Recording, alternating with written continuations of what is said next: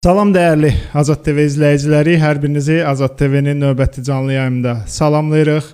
Dəyərli izləyicilər, bildiyiniz kimi ə, e, hər zaman Azad TV-nin efirində aktual mövzuları, cəmiyyəti və Azərbaycan ictimaiyyətini maraqlandıran mövzuları müzakirə eləyirik və ə, e, insanlarımızın cəmiyyətdə vətəndaşlarımızın problemlərini dilə gətirməyə çalışırıq və hər zaman da bu xətti e, tutub davam etməyi özümüzə borc bilirik. Bu gün də eyni məqsədlə canlı yayıma çıxmışıq. Bildiyiniz kimi bu gün ölkədə elə bir siyasi sistem var, elə bir siyasi rejim var ki, e, bu rejimə aid olmayan, bu rejimə uzaq olan şəxslərin e, və ya belə deyək, bu rejimi tənqid edən şəxslərin ə, hər zaman problemini problemi olur və hər zaman problem yaşadır və bu rejimə yaxını yaxın olan adamlar və ya belə deyək, ən azından ə, e, Azərbaycan dilində belə bir deyim var. Yuxarıda adamı olan adamlar ə, e, başqalarına ə, e, problem yarada bilər, başqalarına ə, sorun yarada bilər, hətta onların ə, belə deyək malına ə, belə göz tikə bilər, onların malını, mülkünü əlindən ala bilər və bunu heç bir ölkədə, heç bir ədalət sistemi ilə həll eləyə bilmirik. Və ya o insanlara təzyiqlər göstərilir. Bu gün təxminən bu mövzu ətrafında danışacağıq. Əgər sizlərin də e, fikriniz varsa, efirə qoşulub fikir bildirmək, canlı yayıma zəng etmək istəyirsinizsə, e, e ekranda gördüyümüz, gördüyünüz e, WhatsApp nömrələri ilə əlaqə saxlayıb bizə öz fikirlərinizi bildirə bilərsiniz.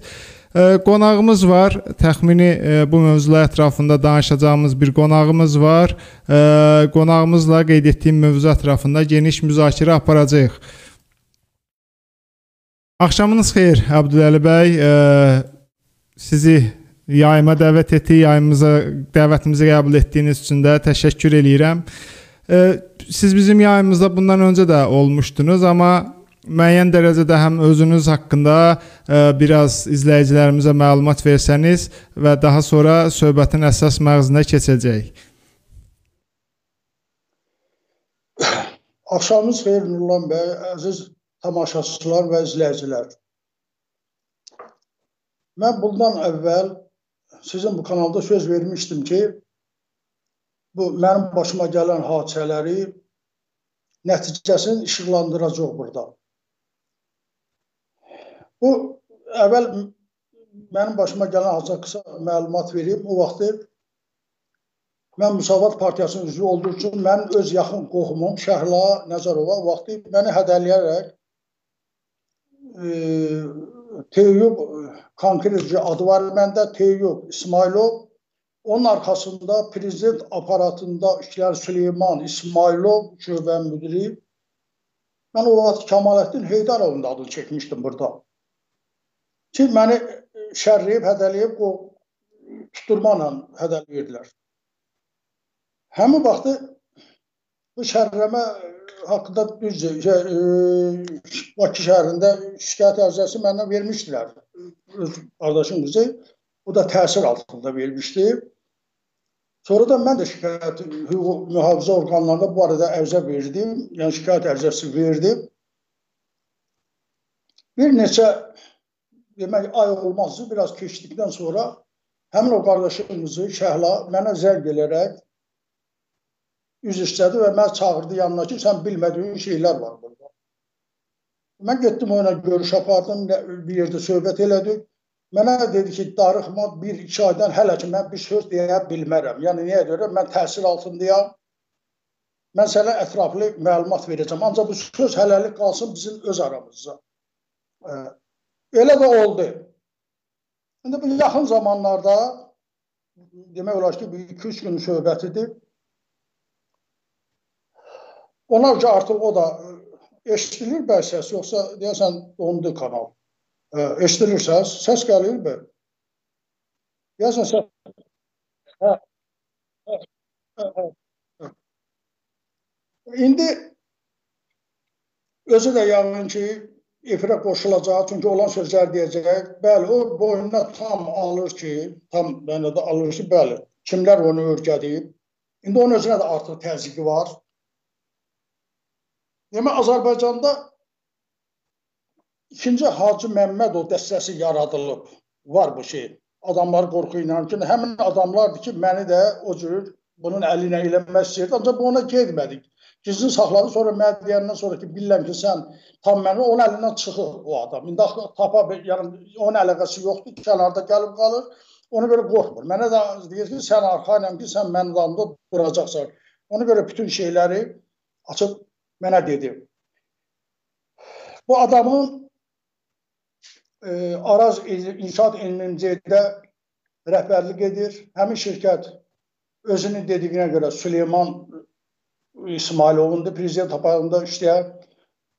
Mən çox istərdim ki, özü canlı efirə qoşulsaydı, bu sözləri özü deyərdi öz yazı ilə. İndi mən də qısa məlumat verirəm, ona vermək istəyirəm bu haqda. Onsuz da ölkəmizdə vəziyyət həddindən artıq pisdir. Bu siyasi müxalifətin üstünə kampaniya başlayırlar, bizi susturmaq üçün cürə və cür hərəkət öz qohumlarından, yaxınlarından istifadə edirlər.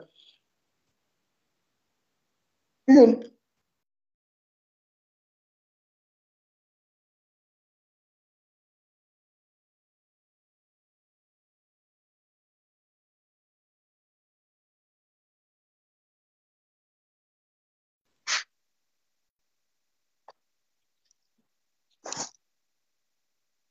gəlir.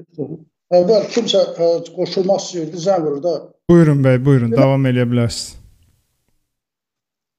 Bir gün mən indi bundan əlavə özü indi yağın məlumat verər, qoşular, hər şey özü deyər. Mən biraz ölkədə gedən bu e, ictimai, siyasi, sosial məsələlərdən biraz danışmaq istəyirəm. Yəni biz ondan sonra o mövzu başlayanda yenə də mən o cavablandıra bilərəm. Gün ölkədə Biz şəhərdə ictimaiyyətlə görüşürük, cəmaatla əlaqələr saxlayırıq. Həddindən artıq vəziyyət pisdir bu gün. Bütün narazılar biz 44 günlük müharibədən sonra 10 noyabr sazişindən sonra ona qədər cəmaatda ruh yüksəlliyi çox böyük idi. Ondan sonra indiki vəziyyətdə hamı gördük ki, hər şey həqiqət üzə çıxandan sonra cəmaat narazılıq eləyir artıq. Hökumət də bundan çox güclü istifadə eləyib Qrup e, ikinci, üçüncü qrupları kəsiblər, saxlayıblar. Cəmaat həmin hələ də onları ala bilmir. Nə də e, yəni o komissiyalar yerini ötürmür ki, cəmaat olsun, bəhanələrlə eləyir. Bunlar yəni faktlar var mənim əlimdə, ona görə danışıram. Özüm öz aləmdə də bunu alanlar var. Şəxsən mən öz başıma gələnlə də deyim sizə, çünki bu hamının başına gəlir. Bir var gedib kimdənsə soruşanda yersən, parkda oturub məsələn söhbət yeri olardı. Şəxsən mənim özümün bir dəqiqə 17-ci ildə 32 yaşlı oğlum rəhmətə getdi. 32 yaşında getdi. 18-ci ildə onun həyat yoldaşı rəhmətə getdi. 2 dənə az yaşlı uşağı 5-6 yaşında qaldı. Mən onları qayyumluğa götürdüm. Bu günə qədər hökumət nə ona qayyumluq pulu verir, nə ünvanlı sosial yardım verir. Yəni ki, o uşaqlar mənim himayəmdə deyir, sən pensiya alırsan, sənə düşmür. Gör nə vəziyyətdədir. Elə də şəhərdə gəzirik biz arada, qazilərimizi görürük, söhbət edirik. O vətən yolunda müharibə həlak olan o hərbiçilərimizi görürük. Biz o, mən şəxsən, biz hamımız onun, onların qarşısında başa girik. Onların sayəsində biz oturmuşuq, yaşayırıq. Hökumət də, dövlət də, məmurlar da eləyir. Ancaq onların hələ heç yetkisin verəndən sonra onların qapılarını heç kim açmadı. Bugünkü gündə də vəziyyətləri həddindən ağırdır. Qazılarımızla söhbət edirik. Çox narazılar. Özlərini intihar eləyənlər var. Eləyən, eləmək istəyənlər də bu gün həddindən çoxdur. Həddindən artıq çoxdur. Bugün o keçən də mən verilişlərə qulaq asdım. Orada bizim bugün söz sahibliyinə gedirdi ki, bu Azərbaycan müəyyən qədər bu müharibə dövründə söz sahibi oldu. Ərazi bütövlüyümüz tam təmin olunmursa, sərhədlərimizi ordumuz qorumursa, bir gün Rus ordusu gəlib bizim ölkəmizə girib, rayonlarımız içərisində hərəkət edirsə, gün biz söz sahibi ola bilmirik artıq. Ona görə də o yarımçıq iş bu gün öz nəticəsini bu gün verdi. Görürük ki, bu gün istədiklərindən nail olurlar. 44 günlük müharibə dövründən də o vaxt mən bir status yazmışdım bunun haqqında. Əgər 44 günlük müharibə dövründə o, onun noyabr ayında dayan əmri verilməsəydi, bizim o bütün ərazi bütövlüyü tam təmin eləməli idik. O vaxtı hamımızın yadındadır ki, prezident e, Türkiye'nin prezidenti ad günü Xocalıda keçirməli idi. Üçüncü bir ordu Azərbaycana bu hərəkata qoşulsaydı, onu Türkiyə onun qabağında keyif ki, bunlar olmadı. Bunlar görünür ki, hamısı danışıqda olan söhbətlərdir. Mən şəxsən öz fikrimi deyirəm. Bugün adam oturur evdə çox şey fikirləşir. Sən yaşayır hətta o qədər həddinə pissi ki. Adam bilmir ki, nə eləsin bu gün, nə açsın bu gün. Bu gün pandemiya dövrüdür. Bu gün cəmaatı imkan vermirlər ki, çıxıb azad sözlük deyəsən, mitinglər keçirdib, aksiyalar keçirdib, sözlük deyəsən. Buna da imkan vermirlər bu gün. Bu gün Şax özə e, məsələ ilə bağlı danışsın. Daha sonra biz söhbətimizi davam etdirərik. Bəli, bəli.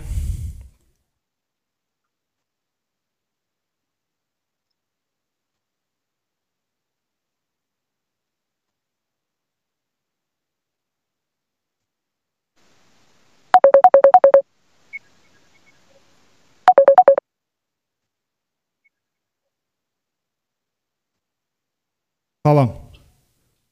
Alo, salam.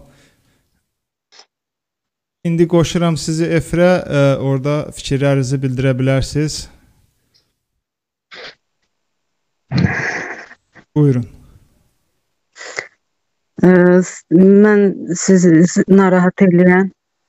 Buyurun. Nəzərova Şəhbaz Zakir qızı Abdülənin əmdi Və mən bugünkü gündə Teyyib İsmailov haqqında məlumat vermək istəyirəm. Bu adam məni təhdid edərək 2013-dən təhdid edərək həyatımı məhv eləyərək, ailəmdən ayıraraq məni əlində təhdidlə saxlayır. Dəfələrlə cənab prezidentimizə məktub yazdım. Və o Süle orada Süleyman İsmailov prezident administrasiyasının şöbə müdürü İsmailova Süleyman Abbasoğlu adı ilə məni təhdid eləyir. Dəfələrlə məktubumu gəldi gözümün qabağında cırdı. Sən mənim əlimdəsən. Atam gillə, əmim gillə məni üz göz elədi. Və bugünkü gündə mən özümün iş təsərrüfatı qurduğum bir özüm üçün ferma gələcək, uşağıma çörək yeri açdım və o məni hər dəfəsində təhdid edərək mənə qarşı gəldi. Bugünkü gündə də keçən ayın 27-si həmən adam mənim firmama basqın eləyərək mən siz gedib icra hakimiyyətindən bir kağız gətirdilər ki, sizin malınıza firmuza həbs qoyuram.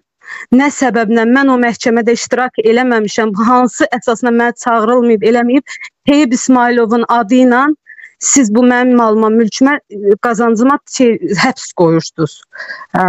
O dəfələrlə gəldi mənə yaxınlaşdı, dedi mən sənə dedim ki, mənim arxamda Süleyman İsmailov olub, sən nə etsən, sən səs və səs verməyəcək heç kim.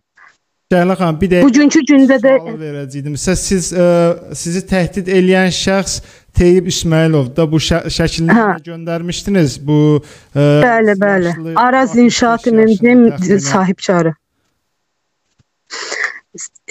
Süleyman İsmailov da Şıxovda Iceberg otelinin sahibidir. Tamam, buyurun. Hə, anlaşıldı.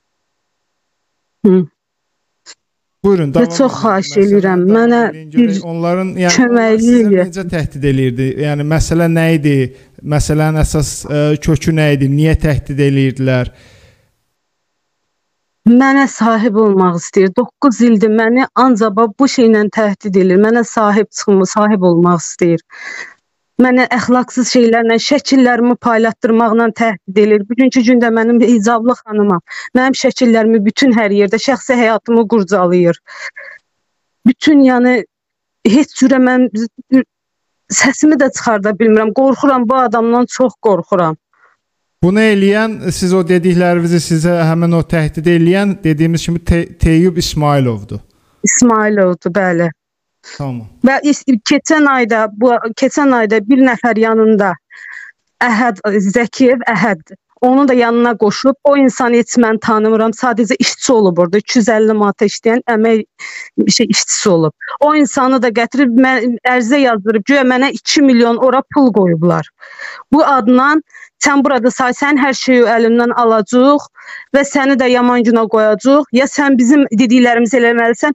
Üstəlik də bundan qabaq 2014-də bu adam məni yığdı Rusiyadan Perim şəhərindən. Şəklini də göndərmişəm sizə. O adamın əli ilə adam gətizdirim mənim yanımda döydürtdürərək və səni də bu günə salaram deyə məni təhdid eləyir. Və o gün, o illər ərzində mən qorxumdan susaraq dayandım, amma bugünkü gündə əmmə arxalanmışam. Əmmin himayəsinə sığınmışam. Yəni bu təh bu təhdidlərin əsas səbəbi də sizin əmminizin müxalifətçi olmağıdır, yoxsa elə Bəli. Ə, başqa səbəblər də var bunun arxasında? Başqa səbəblər, ancaq bunlarla üzgöz olum. Hamıyla bunlarla üzgöz olum. Heç qohum əqrəbəmlə mən 9 il ərzində mən atamın evinə, qohum əqrəbəmin heç birini hamıyla məni düşmən eləyib. Qorxumdan bunlara da ziyan verir. Çünki mən mənim gözümün qabağında telefonla yığaraq məni orada qadın kişi döydürərək səslərini mənə eşitdirərək və bununla bağlı sübutum da var əlimdə. Özünü danışdıraraq səsini də zapt eləmişəm. Lazım olsa o səsi də efirə verə bilərəm. Ə, bu ə, Zəkiyev Əhəd dediyinizdə bu ə, təxminən 40 yaşlarında olan şəxsdir. Mənə şəklini göndər. Bəli, bəli, bəli. Dəqiq olsun. Sonra o, həmin şəxslər, yəni həmin şəxslərin əgər ə, belə deyək, qarşı arqumenti varsa, onlar da efirə qoşula bilərlər. Təbii ki, biz kimsənin burada hüquqlarının, haqqının pozulmağını istəmirik. Biz təbii burada ə, vətəndaşın şikayətini ə, səsləndirməyə, efirə verməyə çalışırıq. Əgər bu adları çəkilən Zəkiyev Əhəd və digər şəxsin qarşı arqumenti varsa, onları da efirə qoşa bilərik. Ə, sizin qeyd etdiyiniz kimi bu Zəkiyev Ə- Əhədi də həmin o ə, İsmailov soyadlı şəxs tutub sizin Hə. üzərinizə göndərmişdi. Bəli, bəli, o tutub. Aydındır. Məni biabır eləyir, məni rüsvay vəziyyətdə. Mən hicablı adamam, mənim başı açıq şey, şəxsi həyatımı, a, bir dəfə ailəmi dağıdıb. Dəfələrlə mən ailə qurmaq istəyəndə gəlir mənim həyatıma girişir. Biz biz əxlaqsız, əxlaqsız hərəkət. Bütün qohum əqrəbəmin pulla əl alıb. Bu adamın yaxşı, sənin pulun hardadır? Mənimki sübutu ilə, hər şeylə bankdan götürdüyüm pullar, sənədlər, kağızlar sübutu ilə ortalıqdadır, əlimdədir.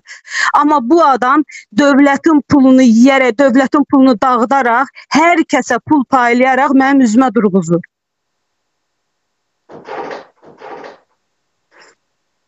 Aydındır. Hə bunun hamısı da sizin sizin ailənizi dağıtmaq və əminizlə, yəni əminiz müxalifətçi olduğu üçün onu Əmmi də çağırıb, bax, bir neçə gün bundan qabaq əmmimi çağırıb, pul təklif eləyib. Abdüləl əmmim hal-hazırda efirə qoşulub. Onu çağırıb pul təklif eləyib ki, Şəhlanın yanından çəkil. Sən nə qədər pul istəyirsən verirəm. Əmim ancaq o pulun götürməyib. Deyib mənim qardaşımla qardaşım balası ilə sən mənə üzgöz eləyirsən. Bir dəfə eləmisən, yenə də eləmək istəyirsən. Bu məsələyə Əbdülbəli bəylə danışacağıq.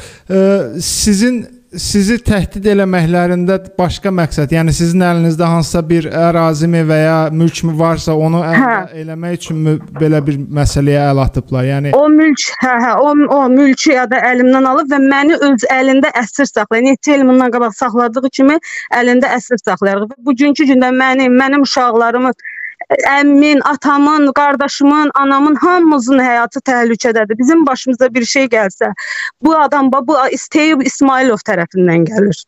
Bunu xahiş eləyirəm. Çox xahiş eləyirəm ki, bunu səsləndirin ki, xalqım, cəmaatım bilsin. Teyyub İsmailov ümumiyyətlə sizin o bölgədə hansısa bir vəzifə sahibidirmi, yoxsa ə, nə Heç nə, heç bir vəzifə sahibi yoxdur. Heç bir vəzifəliyi yoxdur orada. Sadəcə O arxasında sadəcə olaraq Süleymanın işlərini görür. Yəni prezident administrasiyasında aparatında adam Hə. olduğu üçün belə hər kəsi tənqid eləyib, təhdid eləyib əlindən mülkünü almaqla Hə. məşğuldur. Bəli. Dəfələrlə də məktub bir kərə də qardaşım türmədə olanda da mən məktub yazdım prezidentimizə. O məktubu gətirdi mənim gözümün qabağında cırdı ki, sən mənim məndən şikayət eləmisən, sən bilmirsən mənim orada adamım var. Məktubu gözümün qabağında cırdı Şamaxinkada. Yerinə kimi deyirəm. Şamaxinkada məktubu gözümün qabağında cıraraq mənə dedi ki, bundan sonra 100 dənə bu məktubdan yazsan, sənin heç bir məktubun gedib çatmayacaq.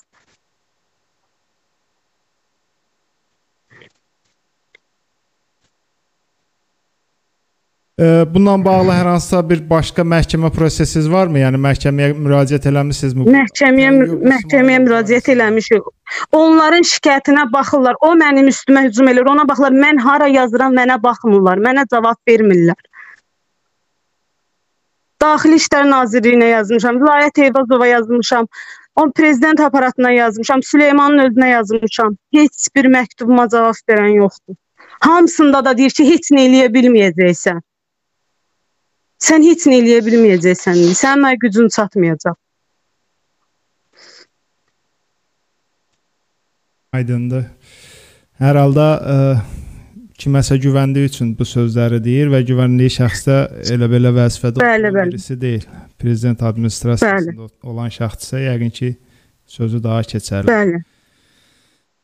Başqa bəli. əlavə eləmək Mən- istədiyiniz mən- nəsə Mən qorxuram ki, bu mənim bu məhkəmə işimdə də bu mülki məhkəmə işimdə də bu insan əl qoyar. Bu insan mənim bütün sənədlərim qaydı qaydasındadır. Amma bu adamın əli ilə bu adam yenə nə isə eləyər. Məni yenə yamanına qoyar. Ondan sonra da mən də bu sözü dəfələrlə deyirəm və yenə də sizdən xahiş edirəm. Bu sözümü də təkrar təkrar deyirəm. Belə mənim mülkümə o insan Süleymanın əli ilə mənim mülkümə əl qoysa, mən də gedəcəm düz prezident aparatının qabağında iki uşağımla özümü yandıracağam. Bir insan mənim səsimə səs versin.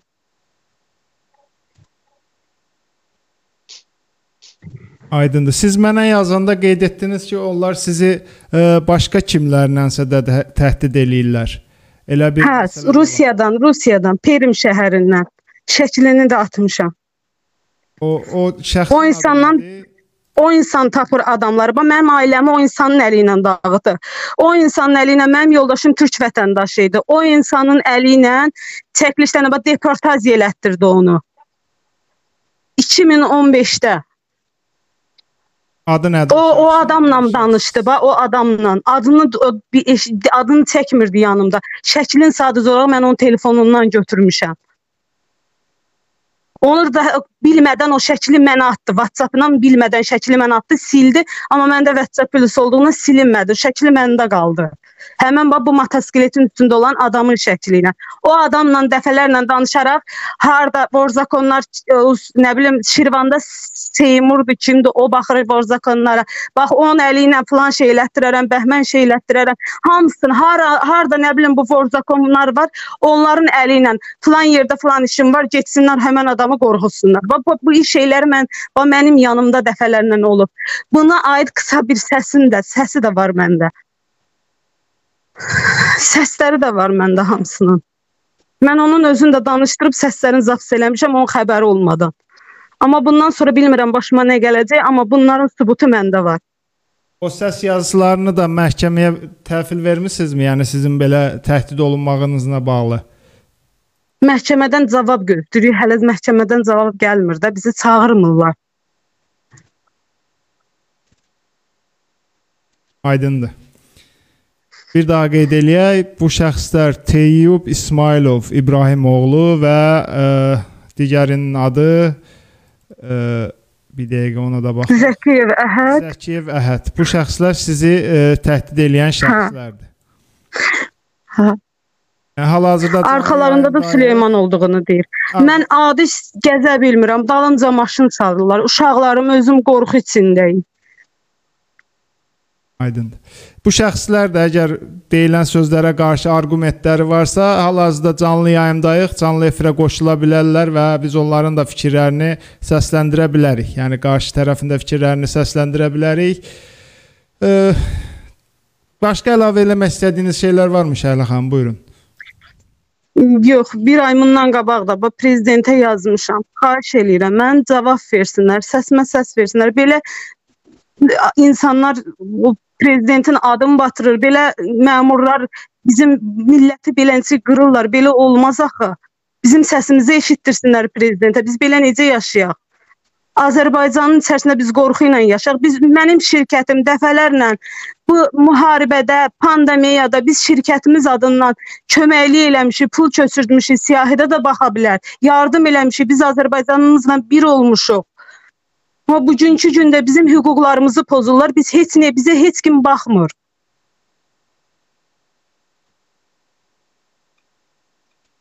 Aydındır. Şəhlə xanım bu Azərbaycanın Siz bir vəziyyətidir. əmimlə də zəhmət olmasa təzədən qoşulun, əmim təsdiq eləyər ki, bunu bu bir həftə içərisində əmimi çağırtdırıb nələr deyib əmmə. Bu təbii ki, Əb Əbdüləli bəylə də söhbətimizi davam elətdirəcəyik. Təşəkkür edirəm qoşulduğunuz üçün.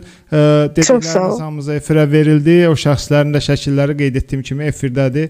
Əgər qoşulmaq istəsələr, onları da gözləyirik. Təşəkkürlər Şəhlə xanım. Çox sağ olun, çox sağ olun. Dəyərli izləyicilər, onu qeyd eləyim ki, efirə qoşulan ə, Şəhlə xanım idi. O Əbdüləli bəyin ə, qardaşı qızıdır, səhv eləmirəmsə. Və ə, qeyd etdiyi şəxslərin də adlarını və rəsmlərini efirə verdik. Əbdüləli bəy qeyd et, ə, Şəhlə xanım qeyd etdi ki, sizi də çağırıblar, ə, belə deyək, necə deyirlər, ə, və sizə də pul təklif ediblər bu məsələ ilə bağlı. Nə deyə bilərsiniz? Bəli, həftənin ikinci gün keçən mənə zəng gəldi.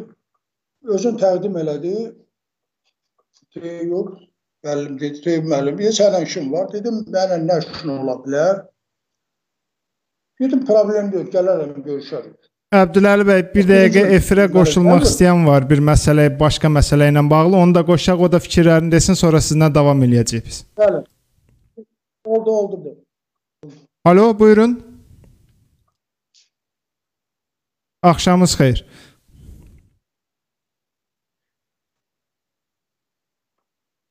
Təbii, e, sözünüz var. Efirə söz demək istəyirsinizsə, qoşuram sizə hal-hazırda efirə fikirlərinizi deyə bilərsiniz. Bəli, deyə bilərəm. Buyurun. Efirdəsiz hal-hazırda. Hə, qardaş, mən Tərtəranın qazın kəs sakiniyim. Alo. Eşidirəm, efirdəsiz. Buyurun, adınız, familiyanız, ə, məsələ, problem nədir? Onları qeyd eləyin və ə, fikrinizi deyə bilərsiniz. Yəni siz efirdəsiz. Hə, Tərtəranın qazın kəs sakiniyim Nazım Qasayoğlu. Buyurun.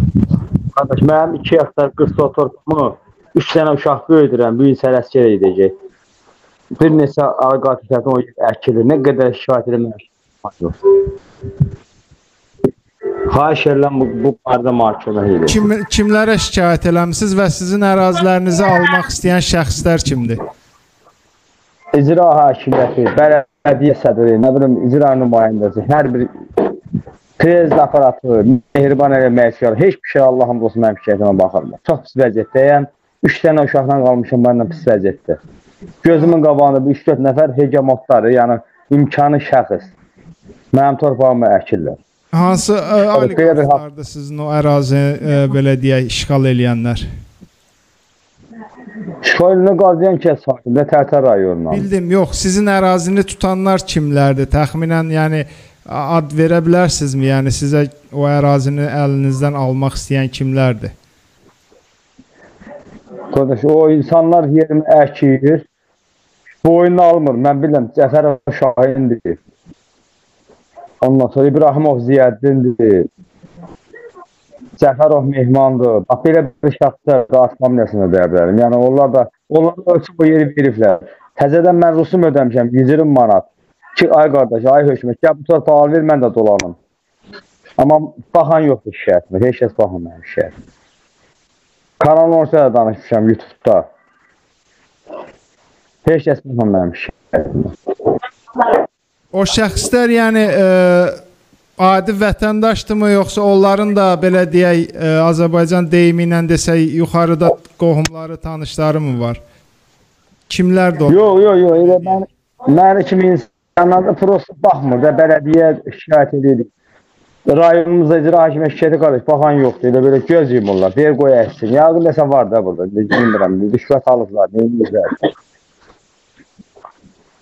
Aydındır. Adınızı, Bir familiyanızı bir daha qeyd eləyin. E, İstəsəz telefon nömrənizi də deyin. Bir nəfərin haqqını 5 nəfər yeyə bilər.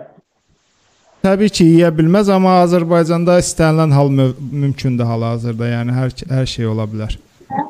Çox, e, çox, çox əsəbləşirəm. Çox haqsızlıq var Allah'ın olsun. Mən çey yerə də şikayət edirəm.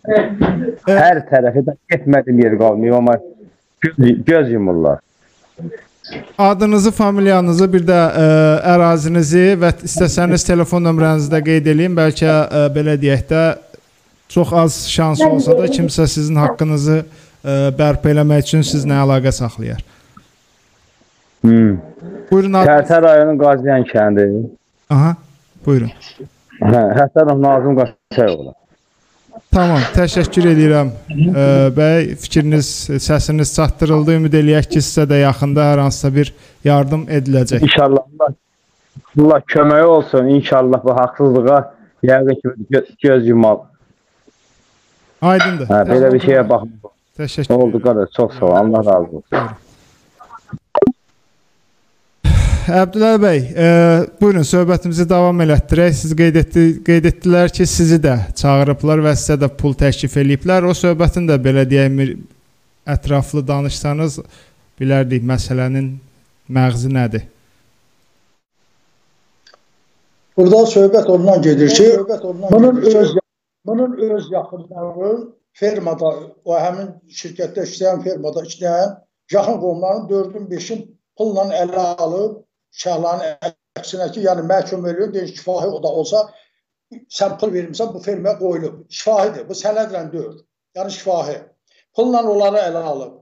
Onların bir dənə orada olub ki, məsələ belə olub ki, onlar hamısı da deyib ki, bu əmsi arxasında durub, yəni ki, hər şeyi ictimailəşdirəcək. Onunla söhbət eləyor, qoy o da çəkilsin kənara. Mən zəng elədi, getdim. Oturduq otağında şəhərə getdim burada. Oturduq axşam saatlarındadır, otağında söhbət elədik. Mənə əvvəl fermadan başladı ki, fermanı alım onun əlinə. Allah sən bilirsən də mən zəhmət çəkmişəm, mən qoymuşam. Sən də hər şey düz danış, haqqına da. Dedim, bəli mən düz danışacağam. Nə var haqqına deyəcəm, bəli. Sən nə eləmisən? O səs yazarını bilmirdi onda. Onda var da, yəni bilmirdi. Dedim, mən də belə bir şeylər eşitmişəm də. Səs yazıları var, hər şey o. Vor zakonlarla eləmisən, tək qoyub. O indi sənin əlindən çıxıb demək, Bakı şəhərində yaşamır. Gəlib burada mən bizim yaxınlıqda yaşadığına görə o təsir eləyə bilmir. Nə telefonla cavab verir, nə eləyir. Onun əli üzülüb ki, nə tərləsin qorxusu o sənədə qol çəkdir. Bu çıxıb əlindən. Çünki qız mənə söhbət eləmişdi ki, əmi buradan çıxan sonra hər şeyi düz danışacaq. Desəm məni öldürərlər. Tacı deyir, öldürərlər də. Yəni qorxusu var yanında. Özüm də qulaq asmışam onun səslərinin hamısına. Nələr eləyib on boşu çoxsun danışmır burada nəyə görə biraz çəkinir, biraz utanır. Hesab edin 2013-cü ildən mən bunların şahidiyəm o vaxtda. Çünki əlimdə əsas yox idi ki, özü deməsəydi bilmirdim. Düz demək bu ilin sonuna qədər o nəzarətdə saxlayıb. Belə bir ki, adamları nəzarətdə saxlayıb. Küllü miqdarda pul da verib adamları nəzarətdə. Belə pul elədir ki, mən o pulla baxıram ki, adi bir adamın yanında qulluqçu tutub 4 dənə 5 dənə işləyir. Hər birinə ayda 1000 manat pul verir. Ki yəni bu çıxmasın, söz danışmasın, telefon eləməsin. Bu da olan qutarandan sonra gəlib bu söhbətləri mənə elədi. Mən ona görə başa düşdüm ki, mən burada nəsə nəsə deyəndə gedəcəm mən axıra qədər, həqiqətləri açacağam dedim qorxmaqla ictimailəşdirək. Burada ölkənin deyəndə ki, bu gün hələlik rəhbəri prezidentdir. Bu əgər bu işləri bunlar aşağı təbəqə ya prezident olsa eşidəcək, o əlaltılar var, çatdırır. Demək buna tədbir görülmüş elə bu elə başçısı da özüdür, prezident özü olur. Yəni özü olur da buna göstəriş verir. Əgər, bu adam ondan çəkilərsə, çəkiləcək kənara. Bunlar apellyasiya şikayəti də veriblər, yəni indi veriblər, təzəlikcə veriblər. Apellyasiya şikayətlərlə cavab yoxdur. Vəkillər normal vəkillərdir. Yəni Onlar ki, biraz çəkinirlər o vəkillərə görə. Vəkil də ki, bilmirəm də kimlərdir ki, mən bilirəm ki, tutmuşum vəkillər. Onlar biraz onlardan çəkinir. Və mənə də təklif elədi ki, indi oturmuş otağında mənim 68 yaşım var, Monda elə 65 yaşı var beləncə. Ferman Allah alanda sən faiz verir, o faiz səlik.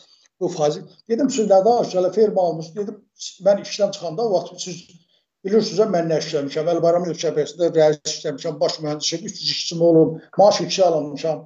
Mən ona görə işdən çıxarıb kimi ki, bu günə qədər işə qaytarılmağa, nə qədər təklif eləyib, işdən çıxıb mən eləməmişəm o. Nətər dolanmışam Allah bilir çətinliklə. Mən ona boyun əyməmişəm. Sən gəlin mənə firmanı alırsan, bölürsən və yaxud mənə son üstündə paketdə pul var idi, bəli, qoymuşlar. İndi o qaldırır ki, buna baxqınan bana, yəni mənə versin, ola bilsin, e, əlimə götürüm, çöldə qoyum yerinə şəklimi çəksin. Bilmirəm, nə mən belə şeylər eləyərdim. Mən gedib qoyuram, mənə lazım deyil. Heç nə lazım deyil. O ki, nə var, sağ ol. Nə lazımdır, düz danışacağam, səmimi danışacağam, olanlar danışacağam. Ondan sonra biraz narahatçılıq var onda, artıq. Yəni ki, belə deyir axı, indi o o 10-23 yaşı olub o vaxt onu qorxusanda, indi biraz yaşlaşıb, biraz başa düşür. O qorxusa bilər. Yəni nətər qorxusa bilərdi bu günə qədər. İndi yox. İndi uşaqları deyir eləyə bilər, o da eləyə bilməz. O deyir elə nətər eləyə bilər ki, uşaq bizə bilir ki, onun boyunda qalacaq. Onun adamları yəni ki, yəni dövlətdən qorxmur. Yəni bu qədər doğrudan da harınlıq var hökumətdə. Yəni, ona görə axır bəli, pul təklif olunub, götürməmişəm. Demişəm axıradan gedəcək, ictimaiyyətləşdirəcək. Bu sona biz yetirməliyik. Mən hesabda biz qalib gəlməliyik sonda. Bu bunun sənədləri hamısı bayda götürülmə pullarlandır. E, 2 milyona qədər baydan evlərin kilo qoyub pul götürür. Bu sənədlə danışır. Ancaq şifahi danışır, qorxu ilə danışır. Düzdür, bir siz çox düzgün elədiniz ki, bu hökumətdə hər şey gözləmək olar. Qanunlar pozulur. Hə, vəziyyət indi belədir. Aydındır bəy. Yəni bu ölkə e, hal-hazırda elə bir hakimiyyətin əlinin altındadır ki, bəlkə bu günləri bir xəbər yayıldı ki, Taliban Əfqanistanda hakimiyyəti ələ alıb. Yəni e, bu gün ölkədə elə bir vəziyyət var ki, bəlkə Taliban gəlib bu ölkənin başına keçsə, cəmaət daha çox sevinər, nəinki İlham Əliyevin e, hakimiyyətinin idarə etməsi ilə. Yəni vəziyyətimiz bu yerdədir. Biz də çalışırıq ki, insanlarımızın səsini müəyyən dərəcədə çatdıraq, bəlkə qorxarlar ən azından insanların ə, e, səsini çıxartmağından və nə, nəsə cüzi də olsa bəlkə bir haqq ədalətə çalışarlar. Bizim də istəyimiz və ə, e, belə deyək, işimiz. Buyurun bəy, buyurun. Yaxın vaxtda nəticə gözləyirik. Gözləyirik. Yəni bu nəticəni eşitsin burdan birbaşa canlı yayında eşidəcəklər. Bu taçacaq olar.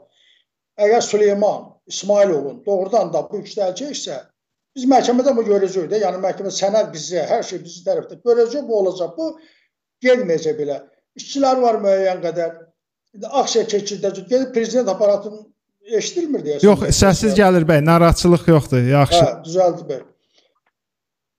Hə, prezident aparın qarşısında biz büket keçirəcək buna qarşı. Və istər istəmər 5 nəfər, onlar bu mümkündür. Yəni olacaq, olmayacaq başqa yerlərdə 5-3 eləcək ki, bunu ki, qoy sonumuzu eşitsin. Mən bu canlı efirdən yayında mən çıxışımda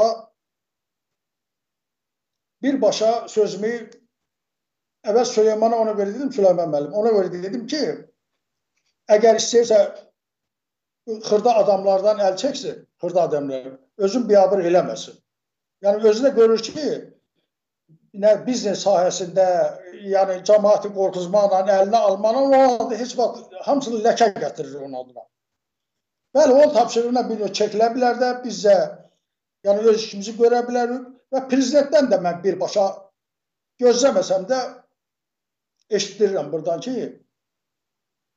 heç olmasa bu son vaxtlar dünyada gedən proseslərə baxsın, fikirləşsin. Dəyərli izləyicilər, təbii ki, Azərbaycanda internet sisteminin də bərbad olmasından ə, e, müəyyən kəsintilər olur arada. Bu səbəbdən Əbdüləli bəylə kəsintilərimiz olur. Çalışacağam yenə əlaqə saxlayaq söhbətimizi davam etdirmək üçün.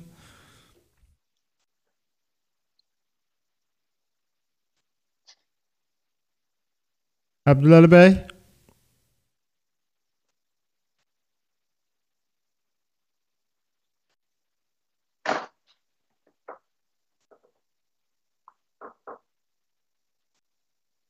Yoxsa kimsə mane olur. Abdüləli bəy eşidirsiniz səsimi siz?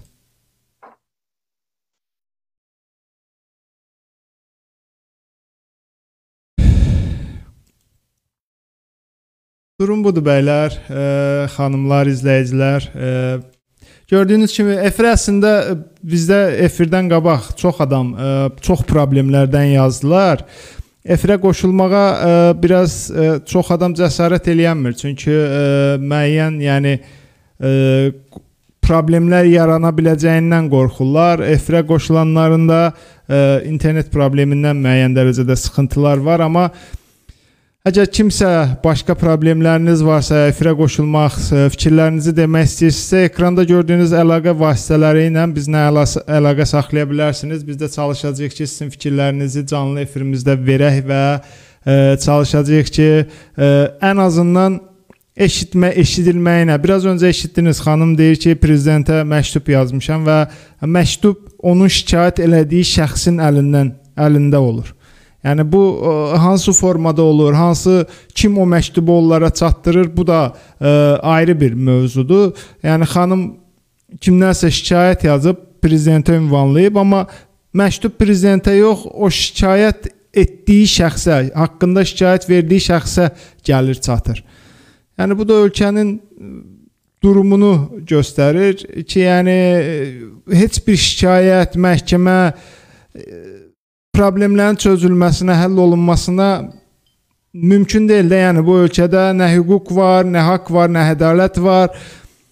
44 günlük müharibə oldu. Biraz insanlar ə, e, müəyyən dərəcədə ümidləndi ki, bəlkə mu bu müharibədən sonra hansısa dəyişikliklər olar, ən azından hakimiyyət biraz xalqa yaxınlaşar, xalqın fikirlərini ə, e, belə deyək.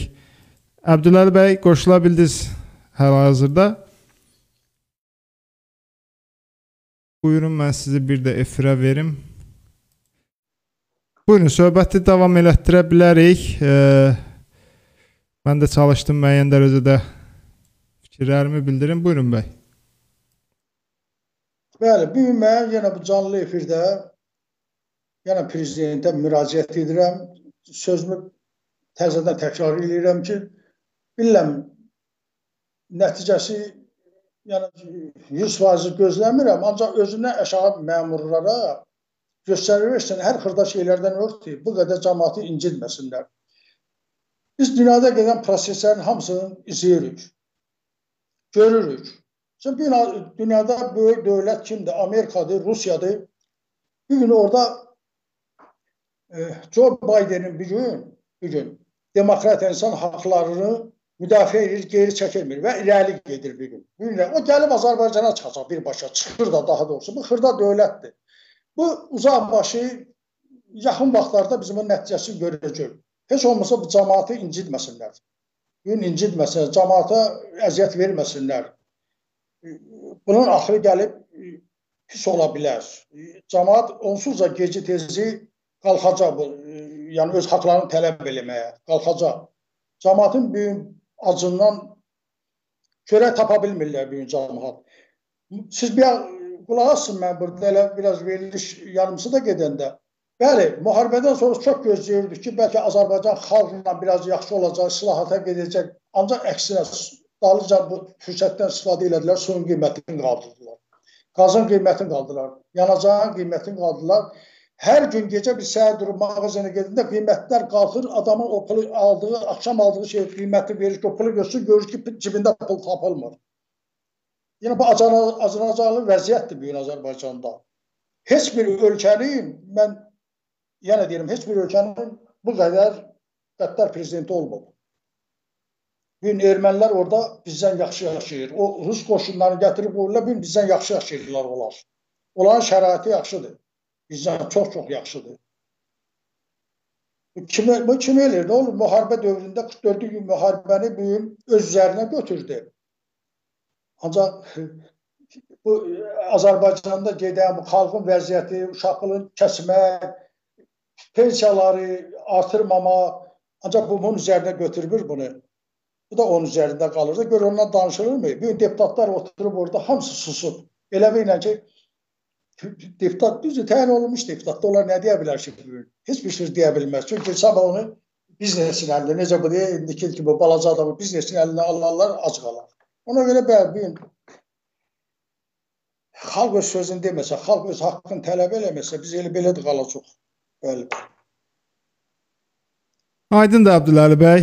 Çox maraqlı söhbət oldu və ümid eləyirəm ki, ə, sizin o qaldırdığınız məsələ, xanımın problemləri yaxında həll olunar, amma biz bu məsələni müəyyən dərəcədə bacardığımız qədər nəzarətdə saxlayacağıq və çalışacağıq ki, bu problemin həll olunub olunmaması nəticəsini də elə bu efirdə təqdim eləyək. Ən azından yenə deyirəm, vətəndaşımızın səsini ə, biraz daha yuxarılara, biraz daha geniş kütləyə çatmasına yardımçı olaq. Yayıma qoşulduğunuz üçün də sizə təşəkkür edirəm. Ümid edirəm ki, yaxında elə sizlərdən bu məsələ ilə, bu problemlərlə bağlı xoş bir xəbər eşidərik. Çox sağ olun. Mən sizə minnətdaram da.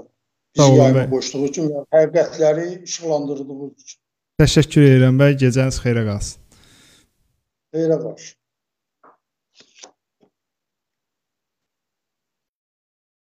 Dəyərli izləyicilər, qonağımız, yayımızın qonağı ə, Əbdüləli Nəzərov idi. Qeyd edim ki, o Müsavat Partiyasının üzvüdür və bu gün danışdıqları problemlərin böyük əksəriyyəti də onun elə bu partiya üzvlüyü ilə bağlıdır. Onu müəyyən dərəcədə siyasi ə, belə deyək, fəaliyyətini bəlkə də sıxışdırmaq üçündür. Amma nə də nə qədər olsa da bunun üçün bir xanımdan istifadə eləmək, xanımın dedikləri həqiqətən biraz yəni e, dəhşət verici bir şeydir. Bizim milli mentalitetimizə zidd bir şeydir ki, yəni bir problemi həll eləmək üçün ə, xanımın üzərinə yetmə et, gedərlər. Bizdə həmişə deyirlər ki, kişi kişi ilə söhbət eləyər, kişi problemini kişi ilə həll eləyər. Amma görünən odur ki, bu hakimiyyət və ümumiyyətlə bu hakimiyyətə yaxın çünki adların çəkdiyi şəxslər bir daha qeyd edirəm, əgər onların bu məsələ ilə bağlı əks arqumenti, əks deyəcəkləri varsa, efirdə gördüyünüz bu yayında gördüyünüz nömrə ilə əlaqə saxlayıb öz fikirlərini bildirə bilərlər, onların da fikirlərini efirə verə bilərik. Bəlkə vətəndaş yanlış deyir bir şeyi, bəlkə ə, ortada bir anlaşılmamazlıq var. Yəni bunların ortaya çıxması üçün onları da efirə dəvət eləyirik, amma ümid eləmirəm ki, yəni vətəndaşın dediklərindən belə çıxır ki, yəni o etdiklərinə hansısa bir yuxarı vəzifədə oturan qohumuna güvənib bunlar eləyir. Demək ki, o heç bu məsələlərə qarşı arqument bildirmək niyyətində də olmayacaq. Amma mən görünən odur ki, biraz öncə bir fikir dedim. İndi ola bilər ki, kimlərsə bu fikri yanlış anlayarlar. Yəni mənim ə, Azərbaycandakı ə, ge hakimiyyət gedişatından, siyasi gedişatlardan olan fikirlərimi zaman-zaman sosial şəbəkələrdə paylaşıram. Biraz öncə bir fikir dedim ki, yəni bəlkə də Taliban kimi bir ə, hakimiyyət gəlib burada otursa İlham Əliyevdən daha yaxşı idarə eləyər, amma bu o demək deyil ki, biz onu istəyirik. Biz daha demokratik, daha dünyəvi bir hakimiyyətin qurulmağını istəyirik, amma ən azından İlham Əliyev də öz e, yəni indiyə qədər heç bir diktatorun, heç bir ölkəsini güc yolu ilə idarə edən şəxsin sonunun heç də yaxşı olduğunu görməmişik. Ən azından İlham Əliyev bunları nəzərə alıb vətəndaşların problemlərini onun yanında oturan şəxslərin gücündən belə deyək, e, siyasi gücündən istifadə edib vətəndaşlara problem yaradan şəxslərin bir ən azından qulağını çəksin ki, belə desək bizim deyimlə, e, vətəndaşlar da e, gələcəkdə hər hansısa bir dəyişiklik anında efirə qoşulmaq istəyən var deyəsən, onu da bir efirə qoşaq. Yeah. Alo. Salam, axşamınız xeyir. Ee, bir, bir saniyə bir saniyə siz də efirə qoşun, fikirlərinizi bildirin. Buyurun, efirdəsiz. Mənim sonra bunun linkini atarsınız da mənə zəhmət o. Tamam, sorun deyil. Bəli? Bəli? Buyurun, buyurun, canlı yayımdasınız.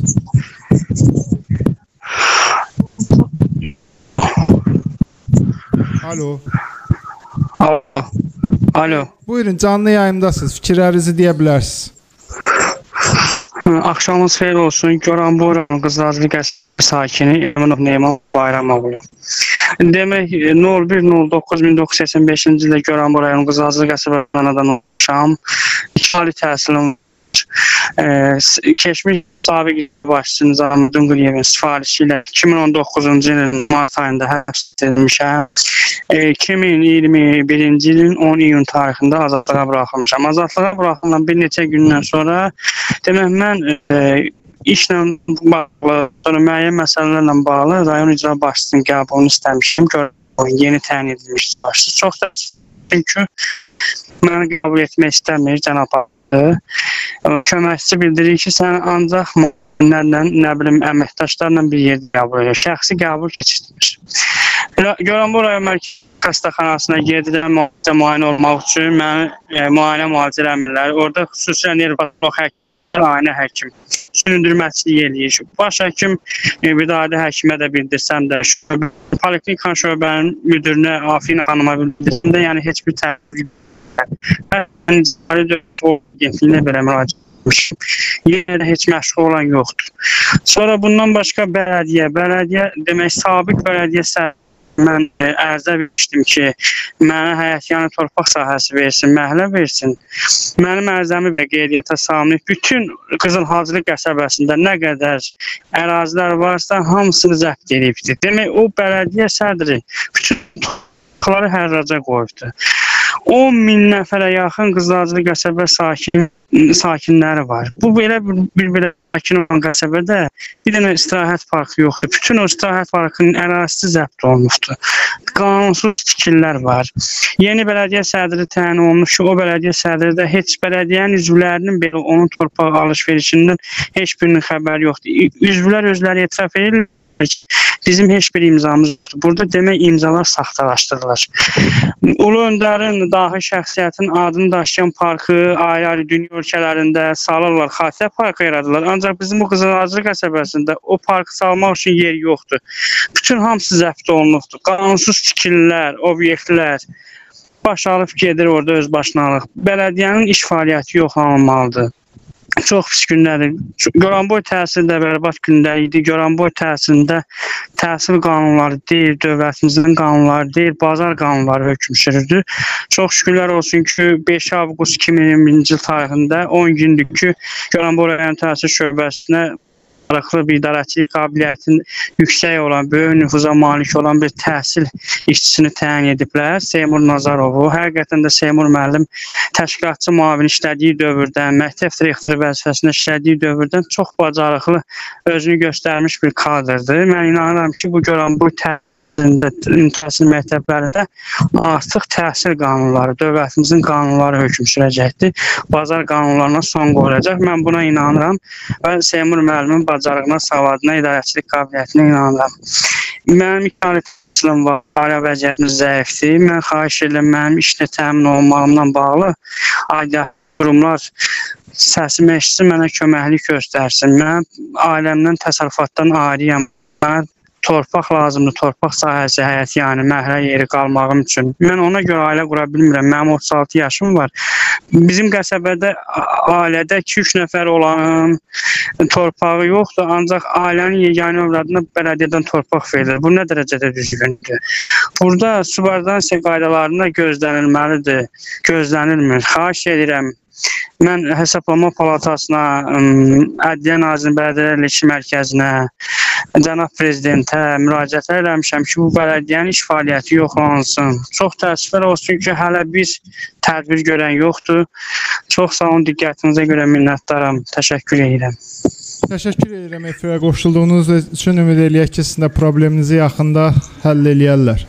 Sağ olun. Müəllim inşallah bu linki ata bilərsiniz mənə. Tamam, problem yoxdur. Bizim səhifəmizdə də görə bilərsiniz. Mən sizə şəxsi olaraq da göndərərəm bunu. Xahiş edirəm indi link atarsınız vaxtınız olsa. Xahiş edirəm. Tamam, oldu. Hə, Çox sağ olun, minnətdaram. Sağ olun, gecəniz xeyrə qalsın. Gecəniz xeyir. Gördüyünüz kimi dəyərli izləyicilər, ə, zəhlər var efirimizə. Ə, Dediyim kimi müəyyən şəxslər hələ efirə çıxmaqdan biraz çəkinirlər. Ə, Bu da başa düşüləndir, çünki heç kim ə, öz başqa daha böyük problem, zaten problem içində olduğu üçün daha böyük problemlər istəmirlər. Bu da onlardan biridir. Ümid eləyək ki, səsini eşidərlər və bu şəxsə, bu gəncə, bu e, vətəndaşımıza da yardım eləyərlər. E, çox acınacaqlı haldır ki, ev məsələsinə, dolanışıq məsələsinə görə bir gənc ailə qura bilmir. Bu çox acınacaqlı haldır, amma ə, gördüyünüz kimi ölkənin belə deyək, ə, normal durumu belədir. Ə, təbii ki, biz istəyərdik ki, hər gün xoş xəbərləri çatdıraq, amma görünən odur ki, hələ biz uzun müddət bu hakimiyyət nə qədər ki başladı, bu hakimiyyət nə qədər ki ə, idarə etməni ə, bu hakimiyyət aparır. Biz hələ belə problemlərlə çox qarşılaşacağıq. Ümid eləyək ki, yaxın zamanlarda bu problemlər həll olunar.